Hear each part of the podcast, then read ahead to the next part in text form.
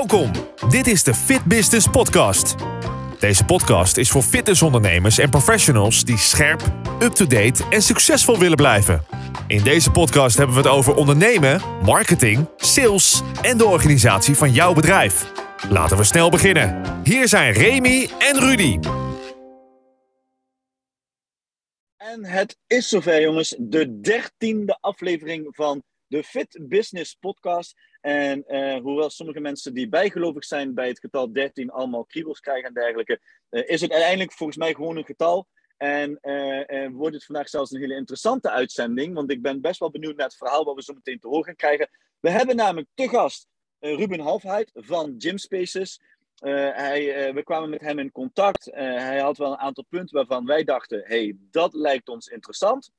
Dus dat gaan we een keertje in de podcast terug laten komen. Maar voordat we naar Ruby, Ruben toe gaan, wil ik eerst natuurlijk even, uh, ja, weet je, we laten het gewoon niet meer komen, mijn mede-host uh, introduceren. Uh, welkom, goeie, goedemorgen, want wij nemen het nog zo op. Goedemorgen, Rudy.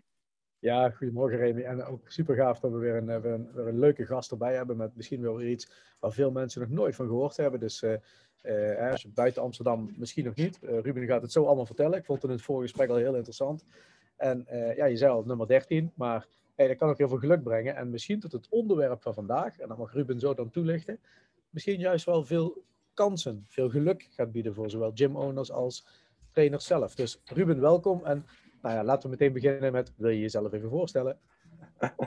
Goedemorgen heren en uh, allereerst natuurlijk hartelijk dank dat, ik, uh, ja, dat jullie me een podium bieden vandaag de dag. Deze ja, natuurlijk jongen, geen enkel probleem. We kijken er naar uit. Mooi, een mooie zonnige, zonnige dag, dus de, de podcast begint goed. Uh, mijn naam is Ruben Hafheid, oprichter van Gym Spaces. Altijd gesport, toch voor een technische opleiding gekozen. En het mooie is dat ik die twee passies eigenlijk samen kan voegen en samenvoeg in Gym Spaces. Wat zowel een platform als een ecosysteem voor de fitnesswereld hier in Nederland is. In de eerste instantie bieden we een Airbnb voor de fitnesswereld. Dus instructeurs, yogis, personal trainers, uh, maar ook particulieren kunnen bij uh, lokale gyms en studio's de ruimte gaan huren. Wat je ziet is dat heel veel studio's en gyms vaste lessen plannen. Denk aan de lokale bokschool of yogaschool, vier, vijf of zes uurtjes per dag. Maar daaromheen staat de ruimte zo goed als leeg. En dat is natuurlijk hartstikke zonde. Zonde omdat jij als faciliteit geld verliest op de lege uren zonder omdat er genoeg fitnessprofessionals zijn die ruimtes nodig hebben. Denk uh, om dat ze hun klanten willen trainen, ze willen workouts opnemen of ze willen livestreamen. Maar er zijn ook particulieren die gewoon on demand willen sporten. Rudy, hadden het net bijvoorbeeld over het feit dat jij morgen naar Amsterdam komt. Stel je bent hier en je wilt sporten, dan wordt het best wel moeilijk. Met gym spaces zou je zeggen, oh ik heb hier wat vrienden of, ik heb wat uh, familie. Laten we een ruimte huren en we kunnen toch nog één of twee uurtjes knallen. Um, dus dat is het platform wat we bieden met Gym Spaces. En achter de schermen zijn we aan het bouwen aan een veel groter ecosysteem waarin er harmonie in de eerste instantie gecreëerd wordt tussen fitness professional, particulier en faciliteit. Maar omdat het een ecosysteem is, moeten die drie pilaren ook in het ecosysteem kunnen tappen om er meerwaarde uit te halen.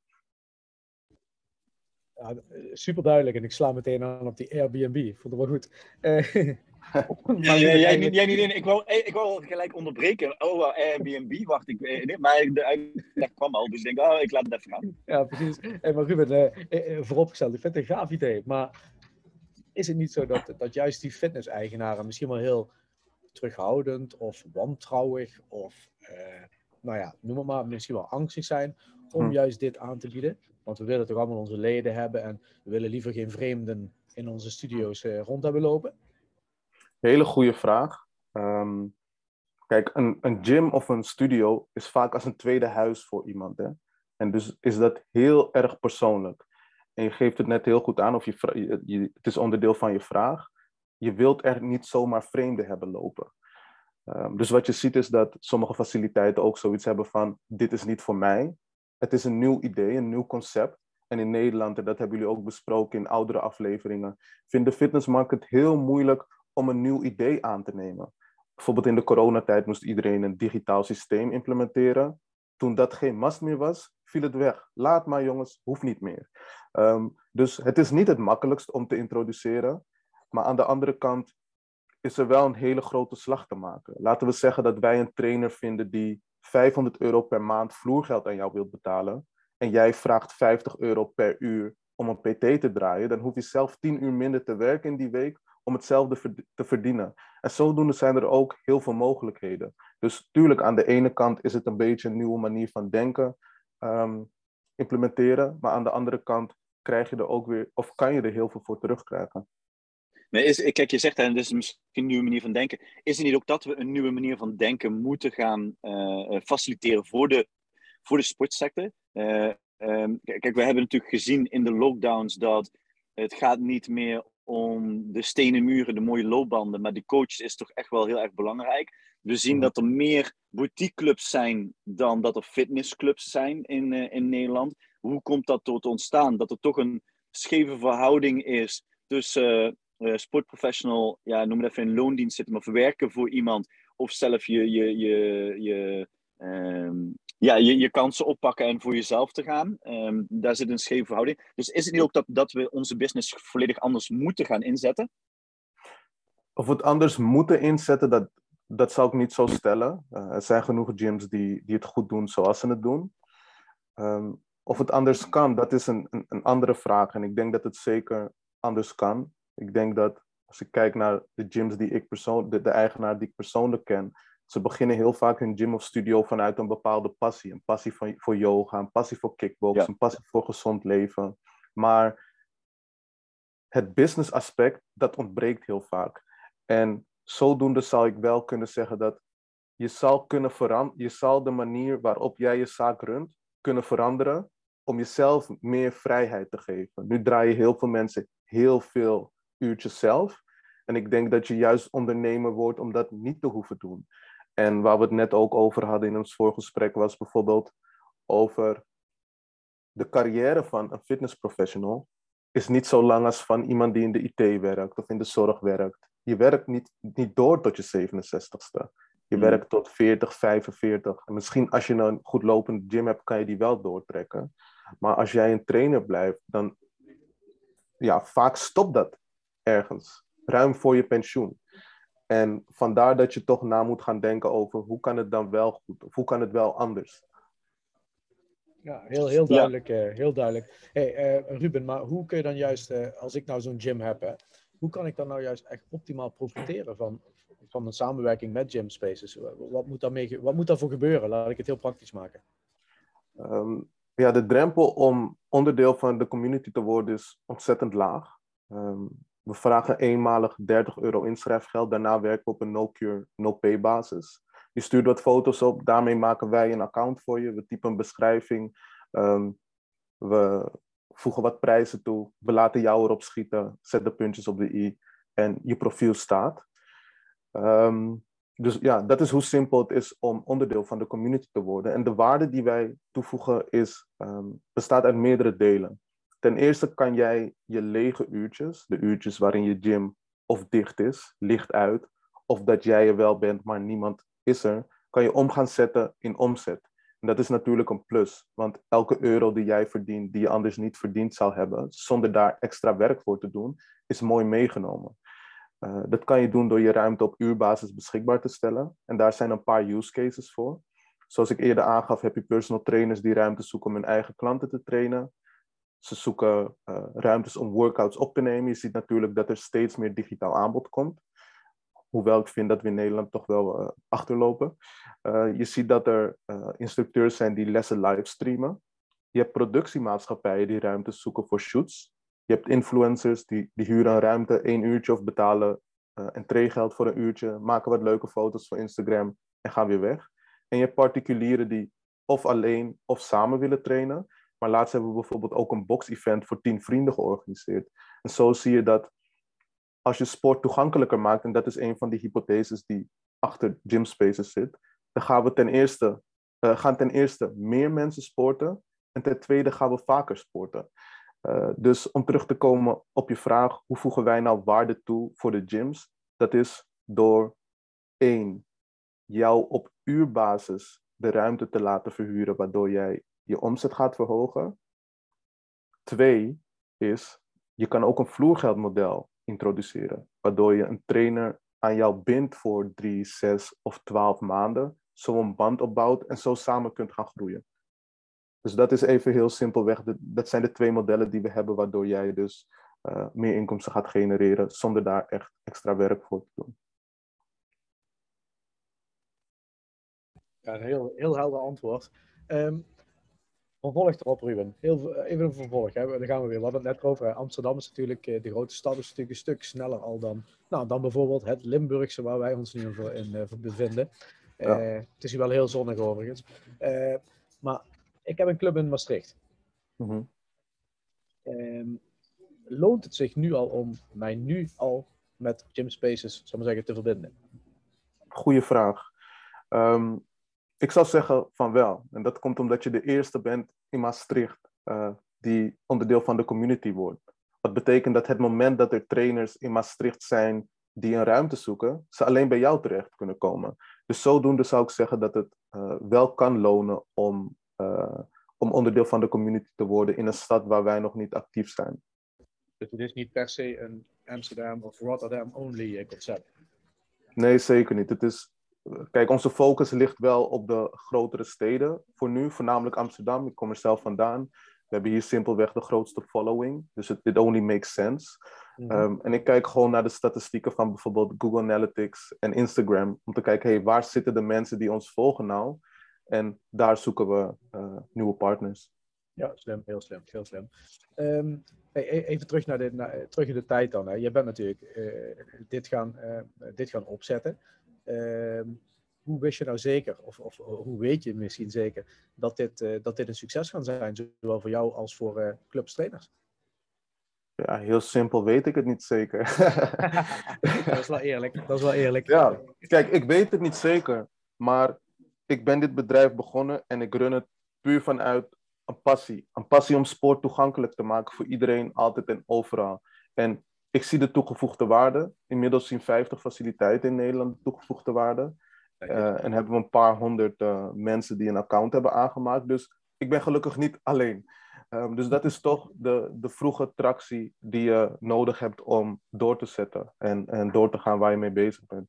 Ja, precies. Ja, duidelijk. En Remy, dan kom jij natuurlijk heel veel trainers tegen. Eh, als jij terugdenkt aan de afgelopen jaar, twee jaar, is dat dan ook iets wat jij vaker hoort, uh, zal maar zeggen? Dat men zegt van, hé, hey, had ik maar de mogelijkheid om een ruimte niet vast, juist heel flexibel te kunnen, mag ik huren zeggen? Ja. Nee, ik vind, ik vind het wel interessant, eh, het gegeven. En daarom zei ik toen straks al, van, zou het niet anders moeten? Kijk, we hebben het wel een paar keer in de podcast over gehad, Rudy, dat als we teruggaan naar het klassieke model van een fitnessclub, je hebt stenen muren met een aantal loopbanden en je verkoopt op de nieuwheid van uh, het materiaal wat je hebt, dat is weg. En dat is zeker de afgelopen twee jaar verdwenen. Uh, mensen zijn ook meer buiten hun sporten, ze durven hun handen vies te maken. Je ziet steeds, kijk, als ik de fitnessclub binnenloop, zie ik meer mensen voor de spiegel staan met dumbbells, barbells en uh, functionele training dan dat ik mensen in, in de moeilijk speciaal onderzoek, technisch, wetenschappelijk onderbouwd, ontworpen fitnessapparatuur zitten. Um, tuurlijk is daar nog zeker een doelgroep voor. Dat zie je ook natuurlijk met, met, met die Milon-cirkel en die e-gym en dergelijke. Dus begrijp me niet verkeerd. Maar wat ik interessant vind, en dit is, dit is eigenlijk, toen ik 15 jaar of 16 jaar geleden ging ondernemen, of weet ik veel wanneer, hoe lang geleden, was één doel. En dat was in de groepsfitnesswereld de instructeurs commerciëler maken.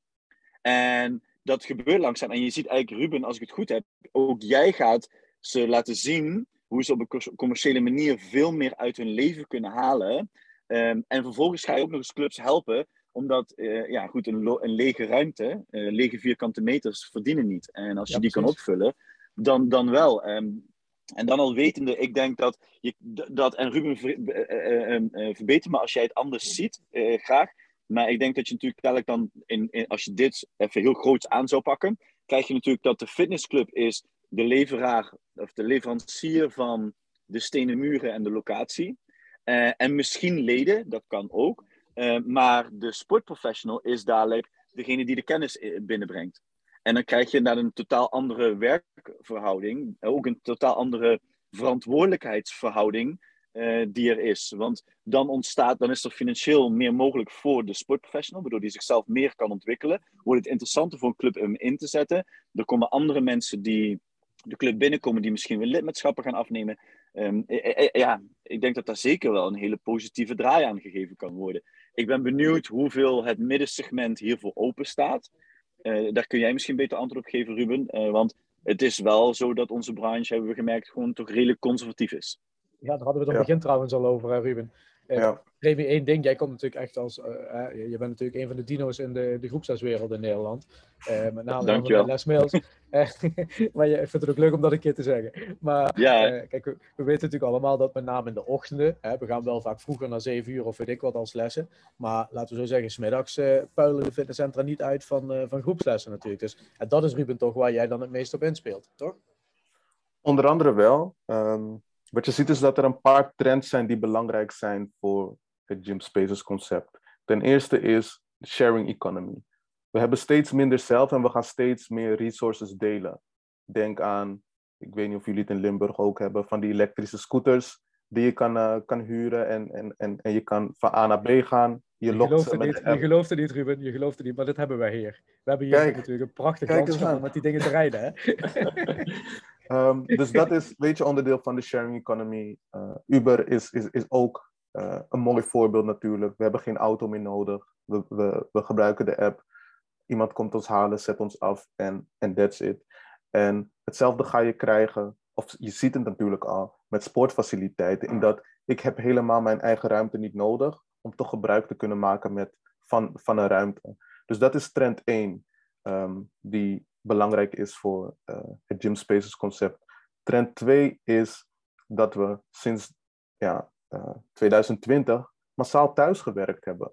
En we hebben de voordelen ervan gezien. Als je kijkt naar de onderzoeken, zeggen mensen twee dagen op kantoor, drie dagen thuis is prima. De enige stap die nog gezet moet worden, is om te zeggen: ik zit niet meer vast aan 9 to 5, hè, dus werken van 9 tot 5, maar ik kan 9 tot 12 en dan 2 tot zes of tot zeven gaan werken.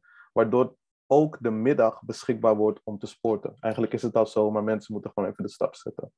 Uh, dus dat zijn twee trends die, die ontzettend belangrijk zijn in het vullen van die ruimtes in de middag. Uh, en ja, mijn uh, verwachting is dat wanneer meer mensen dat in gaan zien, dat wij nog meer gebruikers zullen krijgen.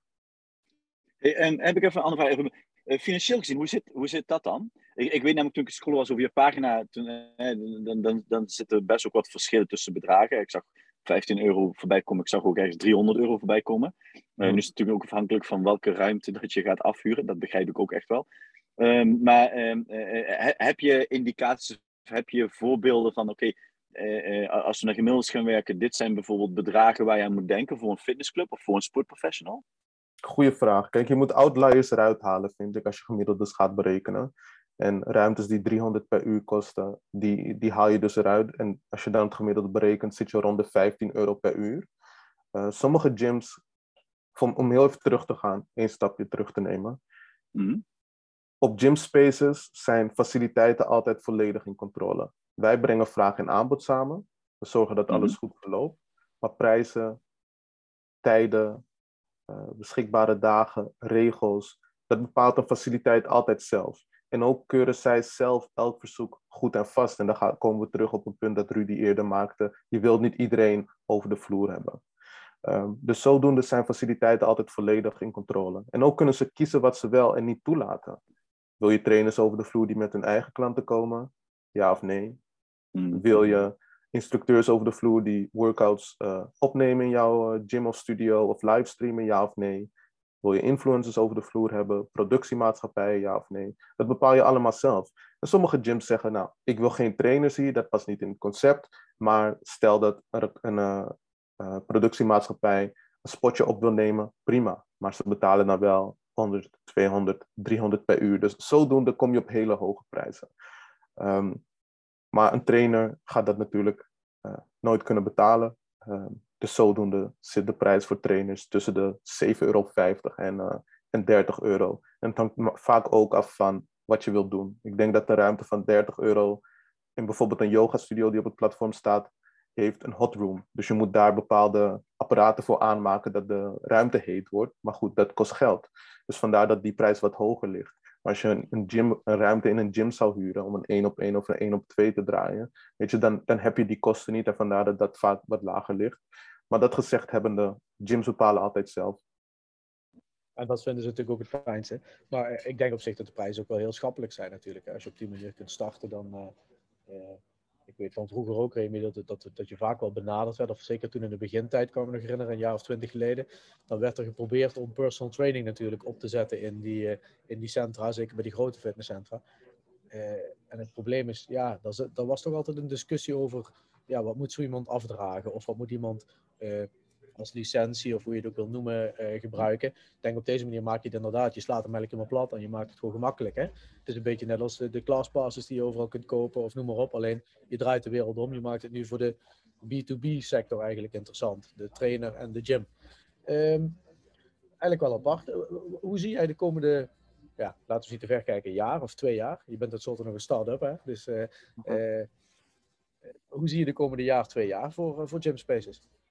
Ja, omdat het een, uh, marktplaats is, zit je altijd met het kip- en het ei-verhaal. En op een gegeven moment komt er een soort uh, tipping point. En het kip- en het ei-verhaal gaat puur over: richt je eerst op vraag of eerst op aanbod? Wil je alle trainers binnenhalen, maar ze kunnen niks boeken? Of wil je alle gyms binnenhalen, maar ze kunnen niks, uh, niks verhuren? Kip of het ei? En waar wij voor gekozen hebben is om op het aanbod te focussen. Dus om eerst alle faciliteiten binnen te halen. Um, en dan dan te focussen op, uh, op het verhuur. Dus voor nu gaat het gewoon om. Uh, ja, ik heb altijd gezegd, we willen een zo klein mogelijke groep zo goed mogelijk helpen. Daarom zijn we ook best wel niche. Um, kijk, het platform kunnen we richten op tennisbanen, padelbanen, uh, indoor voetbal, gymzalen, boxruimtes, noem maar op. Maar dat is, is ja, heel breed. de legio natuurlijk. Hè? Ja. Precies. Maar voor nu is de niche echt, zijn boxruimtes en boutique studio's voornamelijk. En we hebben wat CrossFit gyms, yoga studio's en dansstudio's ook. Um, maar we richten ons dus echt voornamelijk op die boutique gyms en, uh, en boxruimtes. Um, dus ja, we gaan gewoon door zoals we doorgaan. De komende tijd, dat is gewoon meer gyms binnenhalen. Maar tegelijkertijd is het belangrijk, de belangrijkste KPI natuurlijk een transactie. Hè? Die, dat is hoe wij verdienen. Dus um, we moeten ook een goede strategie hebben om dat op een uh, sustainable manier te kunnen groeien. En dat heb je al voor elkaar? Uh, ik zou zeggen van niet. ik, ik, ik, ik wens dat, dat ik daar al was. Um, maar dat is, het, het, is soms nog wel een uitdaging om dat voor elkaar te krijgen. Ja, Want, waar, waar, loop je dan zo al tegenaan? Want als je nou zegt van mijn biggest struggle, en misschien degene die luistert denkt, hé, hey, maar die kan ik oplossen. um, kijk, ik heb een technische achtergrond. Dus ik denk in systemen, ik denk in computercode. en wat ik merkte was dat het was vorig jaar ergens, dat, tuurlijk, ik ben een commerciële persoon, maar ik ben niet de commerciële persoon. Dus dat gedeelte is, is gewoon ja, iets waar, waar ik nog uh, veel winst te behalen heb eigenlijk. Dus de uitdaging is echt dat gedeelte. Gyms kan ik op zich best goed bij uh, aansluiten. Weet je, we bellen wat, we mailen wat en het komt wel goed als je interesse hebt. Um, maar om te sturen op die transacties, dat is gewoon nog een, uh, een uitdaging. Persoonlijk ook, omdat ik nog niet het systeem heb uitgevonden, het proces wat ja, dat uh, vergemakkelijkt. Ja, is, is dat antwoord, niet... hoor. ja, maar, en, en wat ik me afvraag, Ruben, kijk, want ik, ik denk dat, eh, kijk, je wil natuurlijk naar transacties toe, maar dat betekent natuurlijk dat, als ik het goed begrijp, de belangrijkste transactie die wordt gedaan, wordt vanuit de sportprofessional gedaan, toch? Correct.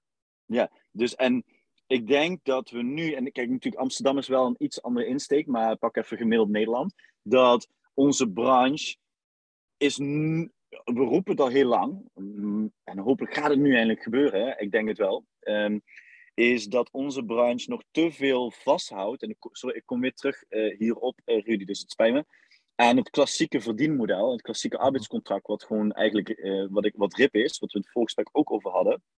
40 uur werken in de fitnessbranche of in de sportsector überhaupt is gewoon uh, voor één werkgever is gewoon uh, uh, uniek. En, maar door de conservatieve houding die we hebben en vooral de kennis die we niet hebben hè, aan twee kanten. Dus als je op een gegeven moment zo kan maken dat de sportprofessional. Um, kijk, commercieel is geen, geen vies woord, maar ik denk veel sportprofessionals vinden het woord sales en commercieel wel een, een vies woord. Maar als je die kan leren, de commerciële kant van het verhaal, dan krijg je ook een stuk professionalisering. En dan wordt het ook interessant voor het aanbod. Dus ik, ik, wil niet gelijk zeggen dat je de knoppen juist moet zetten. Ik denk dat de overtuiging moet kopen, komen en dat onze branche er, klaar voor moet zijn. En dat je de juiste ambassadeurs dadelijk in je systeem moet hebben die, die het gaan promoten. Want ja, dat krijg je toch, hè, de onderlinge marketing, die ambassadeurs, dat merk in de sportsector. Hè. Kijk, als ik op een kwartaal van Les Mills rondloop en uh, uh, er is één iemand die heeft iets heel speciaals en die wordt uitgelicht, ja, binnen drie tellen uh, zit, zit iedereen online te zoeken waar kan ik dat ook kopen. Um, zo, zo gaat het wel. Um, en ik denk dat daar de winstfactor denk ik voor jou te halen is. Als, als ik daar heel eerlijk in mag zijn. Als de sportprofessional overtuigd is, dan, uh, dan komen die transacties vanzelf. Ja, die interessant zijn zelf een beetje, een beetje hebberig natuurlijk. Hè? Dus ja, interessant punt, ja. Wat, wat ik, um, kijk, in marketing heb je, je kan de features marketen of je kan de benefits marketen. Dus, dus zeg je oh, 20 megapixel uh, front camera of zeg je haarscherpe selfies. Toch? Zeg je een OLED-scherm of zeg je fantastisch beeld. Um, en wat je ziet is dat heel veel fitnessprofessionals de features marketen en niet de benefits. En vandaar dat ze best wel struggelen om de juiste klanten aan te trekken. Ze weten niet, bijvoorbeeld vaak niet wie, wie hun ideale klant is. Hè. Ze marketen voor iedereen. Wil jij fitter worden, kom dan bij mij. Oké, okay, boehoe, speciaal. Maar ik merk dat wij die fout ook nog maken. Ja. In dat huur sportruimtes. Ja, oké, okay, boehoe. Interessant. Maar er zit veel meer achter. En daarom zei ik in het begin, wat Gymspace eigenlijk is, is een ecosysteem. En wat je ziet is dat als jij drie trainers in één gym plaatst, waarvan de eigenaar van de gym al twintig jaar ervaring heeft, dan zet je opeens iets, start je iets heel moois. Want ze gaan elkaar helpen, ze gaan leren van elkaars ervaring. En dat is ontzettend veel waard voor trainers. Als ik als trainer 30 euro per uur vraag voor een PT en Rudy vraagt 80, dan ga ik met Rudy praten van hoe kan ik ook 80 euro per uur gaan verdienen. En daarom is de community die we bouwen zo mooi. En ik denk dat dat iets is waar we wat meer op moeten gaan zitten. Want dat is echt de meerwaarde voor, voor de trainer. Hetzelfde, dus, dus het is um, hoe kunnen we hen helpen bij marketing, met de marketing. Sales vinden ze inderdaad een vies woord. Zeg ik, ik wil helemaal niet verkopen. Mensen moeten gewoon hier komen. Weet je. Ik heb mooie hammerstrength apparatuur of whatever. Ja. Ik heb hier uh, 20 jaar in, in gestoken, dus vandaar dat ze moeten komen. Um, boekhouding is vaak een uitdaging. En daarom zeg ik, in dit ecosysteem moet jij als instructeur kunnen tappen om alles wat je nodig hebt om naar het volgende niveau te komen, te halen. En dat is dus onder andere uh, zijn de punten die ik net noemde en, en ook die, uh, die jij noemde, Remy. Ja, ja. Hey, maar dan eigenlijk is, het, uh, is er ook een mogelijkheid om te zeggen dan dat je in bundels afneemt? In welke zin? Nou ja, ik kan me voorstellen dat als je denkt van hey, uh, ik ben een trainer en ik vind die ruimte erg gaaf om te trainen, of dat past gewoon heel goed bij mijn doelgroep, of uh, noem je, die wonen daar, maakt niet uit wat. Uh, dat, je, dat je wel zekerheid wil hebben, misschien dat je zegt van ik wil hem gewoon elke dinsdag hebben om tussen twee en vier. Ik roep ja. wat, en dan, maar dan wil ik ook gewoon misschien nog wel een betere prijs krijgen en dan wil ik met jou een goede ja. deal sluiten. Ja, dat is een mooi, mooi punt dat je maakt. Dus we hebben twee modellen. Hè. In dat vloergeldmodel aan de ene kant x uur per week voor de komende n maanden, drie maanden, zes maanden, whatever, en per uur. En wat je, ook, wat je ook ziet is dat hoe meer uren je afneemt, hoe goedkoper het wordt. En um, wij doen ook de bemiddeling tussen uh, trainers en uh, faciliteiten. Weet je, er kan heel veel tijd overheen gaan om te bepalen hoeveel je nou moet uh, betalen om een mooi contract mm-hmm. op te stellen. Ja, wij nemen dat allemaal uit handen. wij praten met jou als trainer, met jou als faciliteit. We zorgen dat er een win-win gecreëerd wordt, dat iedereen blij is. En uh, zo kan je dus die dinsdag de uurtjes die je nodig hebt toch uh, ja, huren voor een schappelijke prijs. Ja. Maar zo ben je dus eigenlijk een marktplaats, maar tevens ook intermediair. Ja, een uh, makelaar zou je het bijna kunnen noemen. Ja, precies.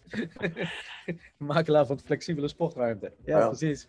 Hey, eh, voordat Remy zo de laatste vraag stelt, want je maakt me wel nieuwsgierig, maar ik wil ook niemand op ideeën brengen. Maar goed, ik denk dat mensen alles al bedacht hebben. Je had het net over, uh, over andere opties. Ik zou ze niet bij de naam noemen, hè, maar je richt je nu een beetje op, uh, op, op gyms, boutique studio's, dansstudio's. We hebben vorige week Tim Zwijs te gast gehad, ook natuurlijk met een dansstudio. Ik kan me mm. inderdaad voorstellen, je hebt niet de hele dag danslessen. Uh, maar er zijn natuurlijk andere opties inderdaad die buiten de gym spaces niche vallen. Uh, droom je daarvan om die ook uh, in te gaan vullen? Of zeg je van nee, dat uh, laat ik liever aan iemand anders? Um, je kan niet alles zelf. Of, noem maar op. Ja, je kan niet alles zelf. En vandaar dat we bijvoorbeeld uh, achter de schermen bezig zijn om een partnership aan te gaan met een platform dat trainers en consumenten koppelt. Um, en, en zodoende kunnen we dus bezig zijn met iets wat niet onze core business is, maar toch wel waarde toevoegt voor het ecosysteem. Dus zodoende richten we ons niet alleen op het verhuren van, van de sportruimtes, maar gaat het echt om het uitbouwen van het, uh, van het ecosysteem. Ja, oké, helder. helder. Um, ja, ik vind het best een interessant verhaal. Ik, uh, ik, uh, ik, van tevoren was ik enorm getriggerd om te horen wat de insteek was. Ik denk, als ik persoonlijk mijn mening mag geven, ik denk dat dit weer dat dit wel gaat stimuleren naar waar onze branche naartoe gaat of naartoe moet.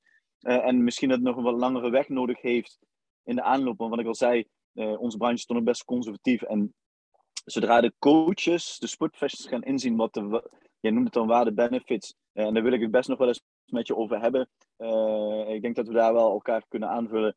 Um, uh, zoals die gaan zien, dan denk ik dat, dat de transacties wel gaan komen.